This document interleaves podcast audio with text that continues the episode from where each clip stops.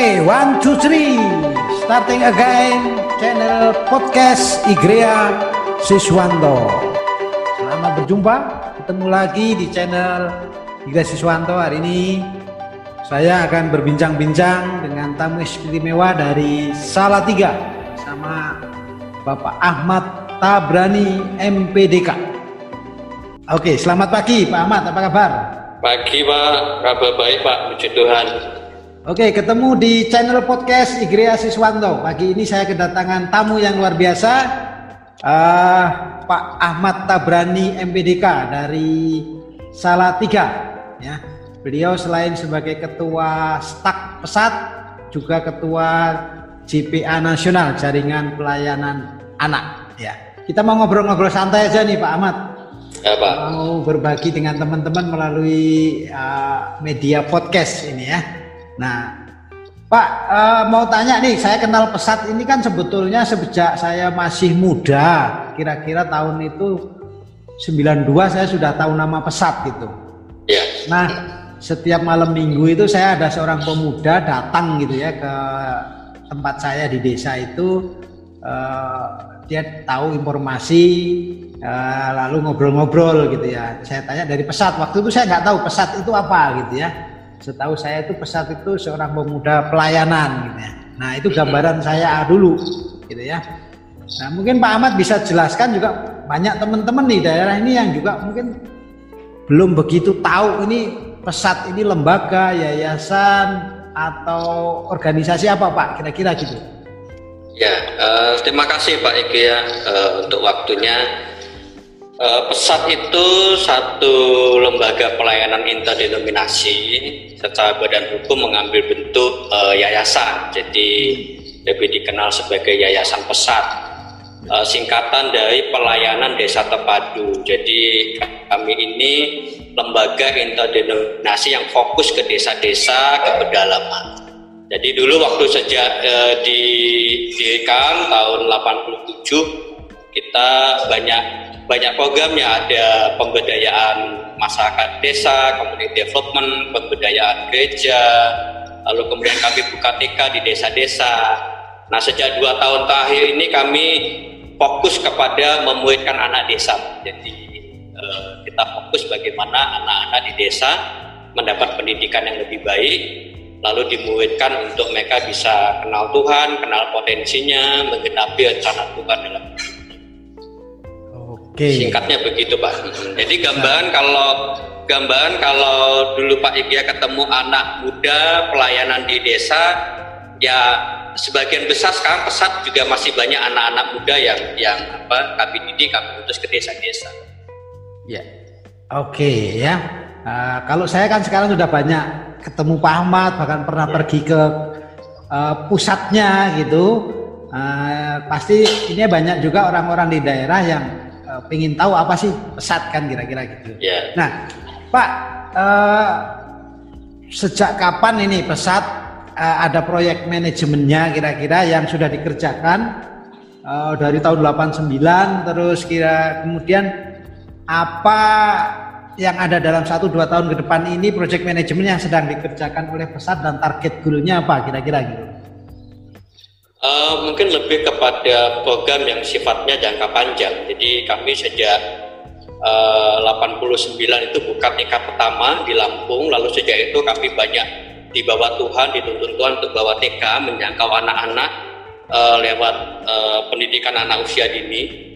Uh, mungkin sudah lebih dari 150 TK yang kami uh, dirikan di desa-desa di pedalaman hanya sejak dua tahun lalu beberapa TK kami serahkan kepada gereja setempat. Sekarang kami mengelola sekitar 100 TK yang tersebar di 22 provinsi di Indonesia. Ada juga SD di beberapa pedalaman, SMP, SMA di Wamena, Papua. Lalu ada beberapa pondok bina siswa. Uh, kami juga fokuskan ke program yang namanya FC Future Center. Ini uh, pengembangan kepemimpinan anak usia 0 sampai 18 tahun. Jadi sudah ada 27 dan tahun ini kami akan buka lagi sekitar 10 uh, untuk fokus. Jadi uh, penjangkauan pemurid anak usia dini yang sudah ada, kami lanjutkan dengan program Future Center itu supaya ketika mereka lulus TK atau lulus PAUD, mereka masih ketemu dengan kami untuk terus kami muridkan sampai usia 18 tahun. Jadi kalau mau dibilang program uh, project manajemennya beberapa tahun ke depan yang lebih kepada peluasan uh, FC ke beberapa tempat program FC ini. Uh, kalau jangka pendek yang kami sedang kerjakan saat ini di musim pandemi ini, kami uh, sudah dan sedang menyalurkan bantuan kepada sekitar 500 hamba Tuhan desa yang secara ekonomi uh, terdampak uh, sangat terdampak dalam masa-masa masa-masa pandemi ini. Uh, beberapa hari lalu bilangan Research Center merilis hasil penelitian gereja-gereja kecil di pedesaan itu pendapatannya menurun 50 sampai 80 persen. Hmm. Jadi sebelum masa pandemik saja banyak hamba Tuhan di desa-desa yang membutuhkan dukungan support, apalagi masa-masa seperti ini. Jadi uh, beberapa bulan ke depan ini sifatnya hanya hanya apa hanya uh, jangka pendek sekali. Kami menyalurkan bantuan kepada sekitar 500 hamba Tuhan desa yang uh, kami kenal, kami lihat uh, memang perlu dibantu. Lalu kami juga sedang uh, menyalurkan bantuan di samping masker, hand sanitizer, vitamin juga uh, bantuan untuk dukungan kebutuhan gizi kepada sekitar 6 ribu, 6 ribu lebih anak-anak yang kami melayani. Jadi guru-guru kami di desa-desa itu walaupun tetap me, apa, menjaga aturan physical distancing tapi juga mereka tetap melayani anak-anak dari rumah ke rumah karena banyak anak-anak kan tidak punya apa keluarga-keluarga di desa tidak punya paket data yang cukup untuk dilayani secara apa yeah, yeah. secara daring gitu ya jadi uh, teman-teman apa tetap tetap uh, apa antusias semangat melayani dari rumah ke rumah selama masih bisa masih bisa apa uh, ketemu ya ketemu walaupun tetap jaga jarak dan sebagainya. Seperti itu Pak. Jadi oke okay. ya. Uh, Pak Ahmad, jadi begini, uh, tadi Pak Ahmad cerita kurang lebih ada 100 TK dan pernah membuka lebih dari 100 TK, itu kan perlu SDM, perlu rekrutmen gitu, proses itu menyiapkan tenaga-tenaga ahlinya ini gimana Pak? Jadi apakah merekrut dari luar yang sudah jadi atau memang ada pusat pelatihannya lalu mereka nanti ditaruh begitu kira-kira begitu Pak? Uh, sejak awal kalau mau dilihat Eh, kelebihan pesat itu ada di SDM-nya. Jadi uh, kami sejak awal memang begitu pesat berdiri mendidik sendiri uh, apa tenaga-tenaga misi yang kami utus ke desa-desa. Jadi memang ada pusat pelatihannya. Jadi kami rekrut, kami didik. Uh, dulu hanya seperti apa ya seperti sekolah Alkitab, tapi karena berkaitan dengan apa uh, perkembangan sistem pendidikan nasional, ada undang-undang Sisdiknas kami ikuti karena itu kami juga buka program sampai S1 uh, eh, di Salatiga, Sekolah Tinggi Agama Kristen Terpadu Besar. Nah, di sinilah kami mendidik anak-anak uh, muda yang kemudian kami utus ke desa-desa. Jadi katakan hampir uh, mungkin 90% lebih gitu ya, 90% lebih uh, tenaga pengajar pesat di desa-desa itu adalah hasil didikan kami sendiri. Karena itu visinya, value-nya, konsep teologisnya, passionnya itu sudah apa? Sudah lebih seragam. Karena sejak sebelum masuk pesat itu juga ada sebelum masuk STAK terpadu pesat ada seleksi. Seleksinya punya panggilan kuat enggak ke anak, punya panggilan kuat enggak ke desa gitu. Jadi sejak awal sudah ada proses seleksi. Begitu Pak.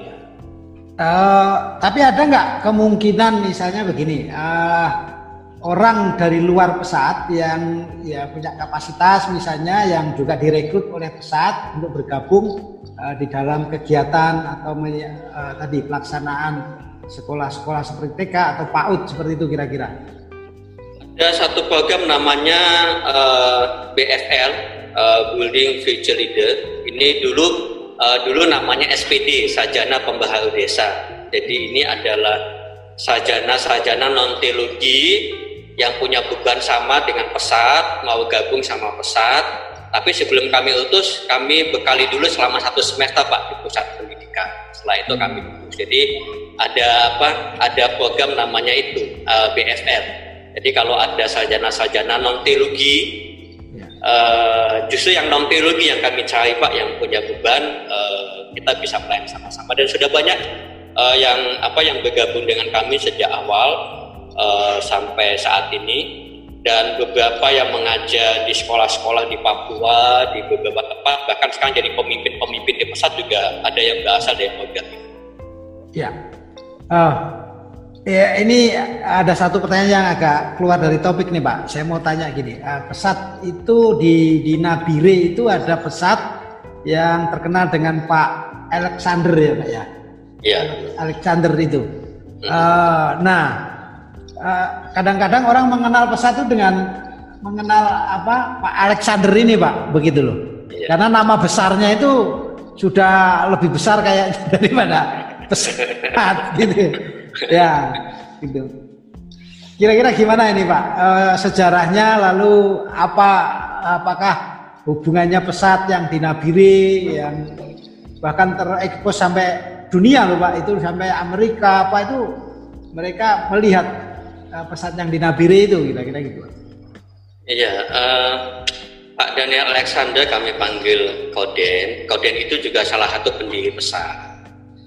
Uh, sejak awal bersama-sama dengan pesat, ikut melahirkan pesat, menjadi salah satu pemimpin pesat, dan sampai hari ini kami semua di pesat juga memandang beliau sebagai uh, salah satu bapak rohani kami di pesat. Uh, waktu saya di Kalimantan Barat, beliau beberapa kali kunjungi kami di Kalimantan Barat, kami di waktu saya di pelayanan di Sumatera Utara juga sempat beberapa kali apa, uh, mengunjungi kami di Sumatera Utara. Jadi beliau memang sering keliling. Uh, ketika beliau mendapat beban dari Tuhan untuk Papua, beliau memulai pelayanan di sana dan juga uh, apa uh, menjadikan pesat sebagai organisasi untuk bernaung tetapi sejak awal memang uh, dalam beberapa hal beliau mandiri, jadi apa uh, uh, lebih apa lebih uh, mandiri dibandingkan yang lain. Jadi sekarang uh, uh, apa uh, ya juga karena mungkin kapasitas dan nama beliau lebih dikenal, jadi ya pesat Nabi menjadi salah satu pesat yang cukup dikenal, gitu ya. Jadi uh, ya masih bagian dari pesat mengerjakan uh, visi misi yang sama. Jadi sejak awal sih kami ingin uh, dulu pesat itu menjadi sebuah sebuah kegerakan ya, kegerakan pelayanan kepedesaan. Hmm. Uh, jadi uh, kalaupun ada yang kemudian punya hati yang sama, lalu kemudian melayani, lalu kemudian tidak pakai nama pesat juga tidak apa-apa sih. Yang penting kami kan tujuannya makin banyak desa dilayani, makin banyak anak-anak dijangkau tapi sampai hari ini uh, Pak Daniel Alexander masih tetap apa uh, menjadi bagian dari pesat. Pesat ya. Ya, ya itu karena saya pernah lima tahun yang lalu pernah diundang di pelayanan di sana Pak. Itu keren tempatnya gitu. Dari TK sampai SMA ya Pak ya itu di Nabirenya itu. Ya. Itu uh, secara bangunan fisik juga oke, okay, sistem pendidikannya semua rapi sekali begitu. Nah, ya. Saya pikir kalau lembaga Kristen itu bisa seperti itu berseni wah ini keren ini saya pikir begitu ya. nah, karena itu saya uh, tertarik sebetulnya ini uh, informasi ini supaya nanti teman-teman juga di daerah-daerah mungkin nanti siapa tahu dia tertarik terpanggil ingin bergabung di pesat kan bisa digodok di di stak pesat. Salah tiga pak ya? Ya benar pak.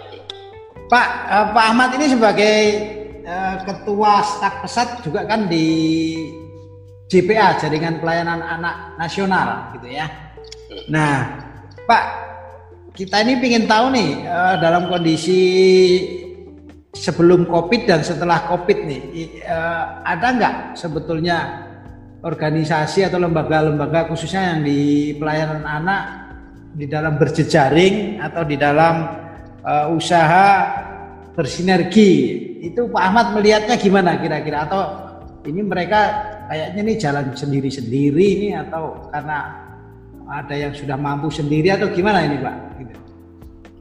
Ya, uh, tahun 2011 waktu saya pindah uh, ke Jakarta, saya ketemu dengan beberapa teman dari berbagai lembaga pelayanan dan waktu itu Monas pertama JPA ya tahun 2011 ya.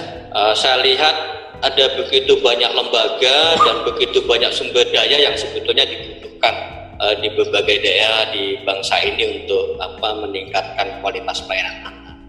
Jadi di satu sisi ada satu tempat yang begitu limpah dengan sumber daya, ada satu lembaga yang kemudian punya banyak resource, tetapi di sisi lain ada banyak uh, tempat yang uh, sumber dayanya sangat sedikit, uh, lalu kemudian juga gereja atau lembaga di satu tempat lain yang kemudian juga uh, masih punya passion, punya visi kuat, punya apa uh, panggilan kuat, tetapi uh, tidak punya banyak sumber daya yang cukup gitu ya. Jadi nah lewat jejaring ini sebetulnya yang lemah kan menolong yang yang apa ditolong oleh yang kuat. Yang kuat juga sebenarnya belajar juga ada yang lemah sebetulnya. Gitu ya. Jadi saling belajar, berbagi sumber daya, kemudian bersinergi supaya tidak tumpang tindih ketimbang ada dua tiga lembaga besar di satu desa kan lebih baik kemudian menjangkau desa lain yang apa ya uh, belum terjangkau belum ada lembaga pelayanan di situ. Jadi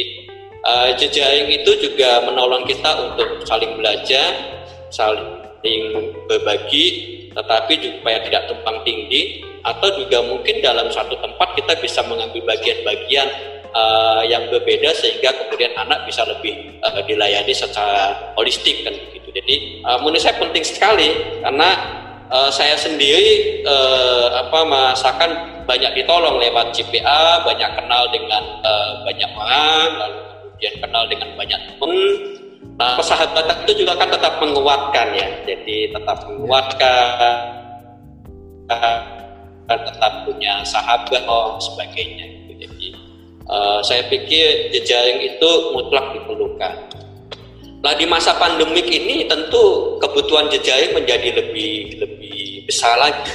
Karena kalau kita lihat uh, kesempatan untuk bertemu secara online kan menjadi lebih besar ya. Jadi ya Betul. Uh, lewat itu kita bisa banyak belajar. Jadi saya lihat kok kesempatannya kok menjadi lebih besar untuk apa untuk uh, uh, kenal satu dengan yang lain, berbagi satu dengan yang lain, belajar satu dengan yang lain. Hanya memang dalam masa pandemi ini kita juga sadar bahwa ada hamba-hamba Tuhan di desa, di pedalaman uh, atau di kabupaten yang juga kemudian tidak tidak bisa setiap saat kemudian punya apa punya uh, bisa melayani anak-anak secara online gitu ya. Karena tidak semua keluarga-keluarga juga uh, seperti yang saya sampaikan tadi uh, mereka punya bisa akses online gitu ya. Jadi uh, lah ini kan kita juga perlu menguatkan mereka. Karena kalau gereja-gereja di kota mungkin link YouTube sekolah minggunya bisa dibagikan di setiap keluarga lalu kemudian tiap keluarga bisa anaknya tetap sekolah minggu gitu ya. Tetapi uh, kalau di desa kan tidak bisa gitu ya. Jadi nah ini uh, teman-teman penggiat anak di desa-desa pedalaman kan kita perlu pikirkan bagaimana supaya mereka uh, bisa tetap apa uh, terus belajar terus punya panggilan kuat terus punya motivasi uh, tetap setia dan sebagainya. Dan itu lewat jejaring banyak hal yang kemudian bisa kita apa bisa kita selesaikan. Iya, uh, memang kadang-kadang ada sesuatu yang nggak pernah kita pikirkan nih. Seperti kemarin itu kita kan uh, mereka di daerah nggak punya jaringan jaringan susah kuota nggak punya kemudian jajet juga nggak punya. Tapi ternyata ada juga guru-guru yang kreatif di daerah ternyata seperti di Morowali, di Tentena, di Manado itu kan ada budaya mereka kalau pagi itu menyiarkan lagu-lagu lewat toa itu Pak di gereja Ternyata itu sekarang dipakai untuk menyampaikan cerita sekolah minggu ternyata. Jadi mereka uh, tetap yeah. masih bisa menyampaikan itu. Nah itu kan uh, bagi teman-teman di kota nggak pernah kepikir ya kayak, kayak seperti itu. Hanya melalui jaringan-jaringan seperti inilah kita bisa ternyata bisa bertukar ya, informasi gitu ya. Nah, nah Iya Pak. Jadi kisah-kisah itu kan sebetulnya bisa menginspirasi yang lain Pak. Ketika itu di apa kita mendengar kisah itu dari sebuah jejaring atau dari pertemanan itu kan bisa menginspirasi yang lain. Iya. Nah itu keren itu sebetulnya. Nah oleh ya. karena itu sebetulnya uh, dulu kan kita banyak sekali anggotanya nih Pak. Ada kurang lebih ya 128 lah kira-kira lembaga gitu kan di, di GPA ini kan gitu kan. Tapi yang aktif, yang aktif ini kayaknya hanya sekitar 5%, 10% gitu. Yang lain sudah uh, merasa sitro atau nyaman dengan kondisi sendiri. Sebetulnya dengan uh, saling berjejaring ini lebih banyak manfaatnya dan lebih uh, banyak bisa bertukar informasi sebetulnya kan gitu Pak ya mestinya kan. Ya, iya betul. Nah, nah ini Pak fenomena ini yang ingin saya tanyakan. Ini kan banyak lembaga yang terjun di dalam pelayanan anak lalu menjadi partner gereja gitu kan. Nah, uh, ada nggak Pak pengalaman-pengalaman pesat? Misalnya bagaimana ketika partner dengan gereja itu kadang-kadang partner partnernya ini tidak menjalankan tugas gitu kan? Salah satunya itu. Atau ketemu gereja yang sudah besar uh, dia merasa uh, kita lebih bagus kok programnya gitu. Atau juga mungkin pengurusnya nggak mau support gitu. Kadang-kadang kan gitu nah ini ya. ada nggak ketemu seperti itu kalau ketemu misalnya gimana menurut Pak Ahmad kira-kira biasanya kalau sudah partner biasanya kan memang sudah ketemu uh, tujuan yang sama dan kemudian sama-sama komitmen biasanya kalau sudah ya, ya. sudah partner kalau partner kan menja apa membuat uh, kesepakatan kerjasama.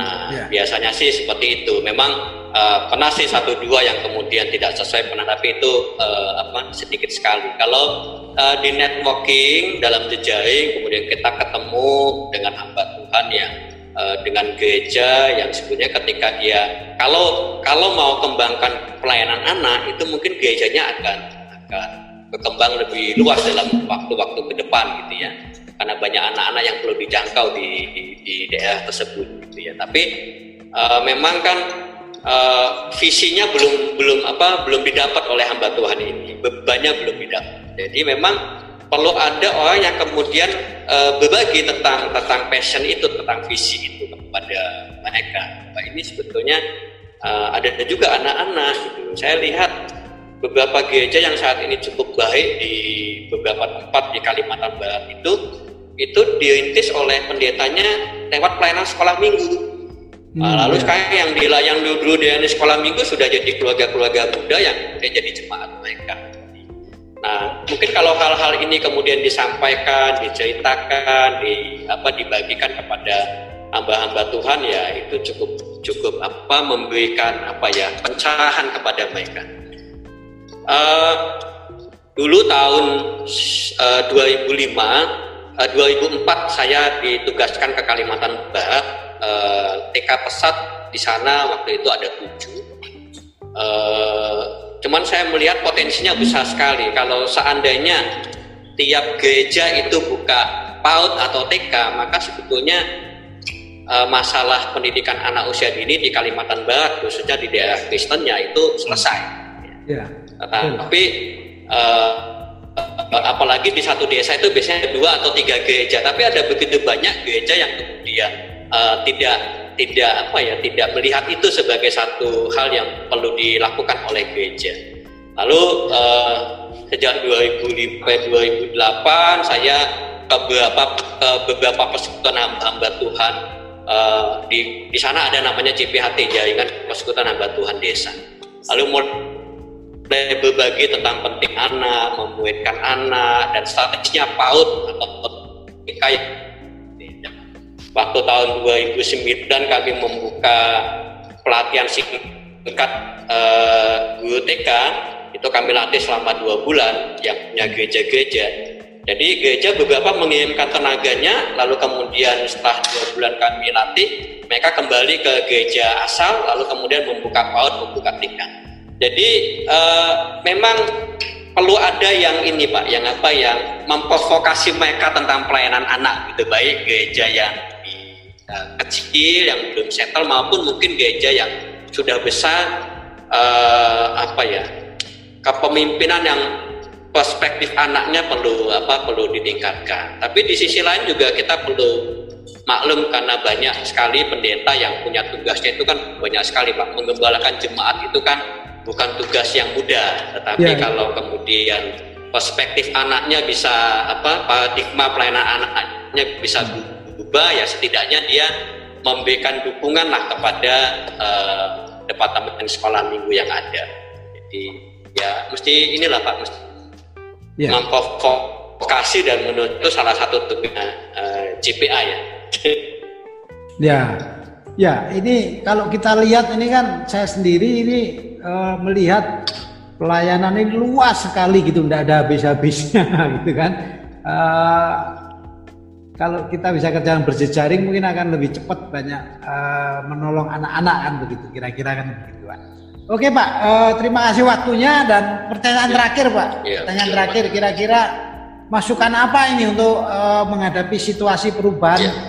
yang saat ini terjadi ini kan ada teori-teori yang mengatakan ini new normal baru gitu jadi sesuatu yang nggak normal tapi sudah menjadi kebiasaan akan menjadi new normal lagi kan nanti pembelajaran melalui online ya uh, orang stay home dan macam-macam gitu kan. Nah, otomatis kan ini berpengaruh juga di dalam semua kegiatan seperti organisasi, pelayanan dan sebagainya. Nah, kira-kira uh, pesat sebagai lembaga yang besar kan bisa juga menjadi uh, soko guru atau contoh di dalam memberikan masukan atau paling tidak terobosan-terobosan uh, bagaimana menghadapi perubahan-perubahan situasi yang uh, akan datang ini Pak, kira-kira gitu.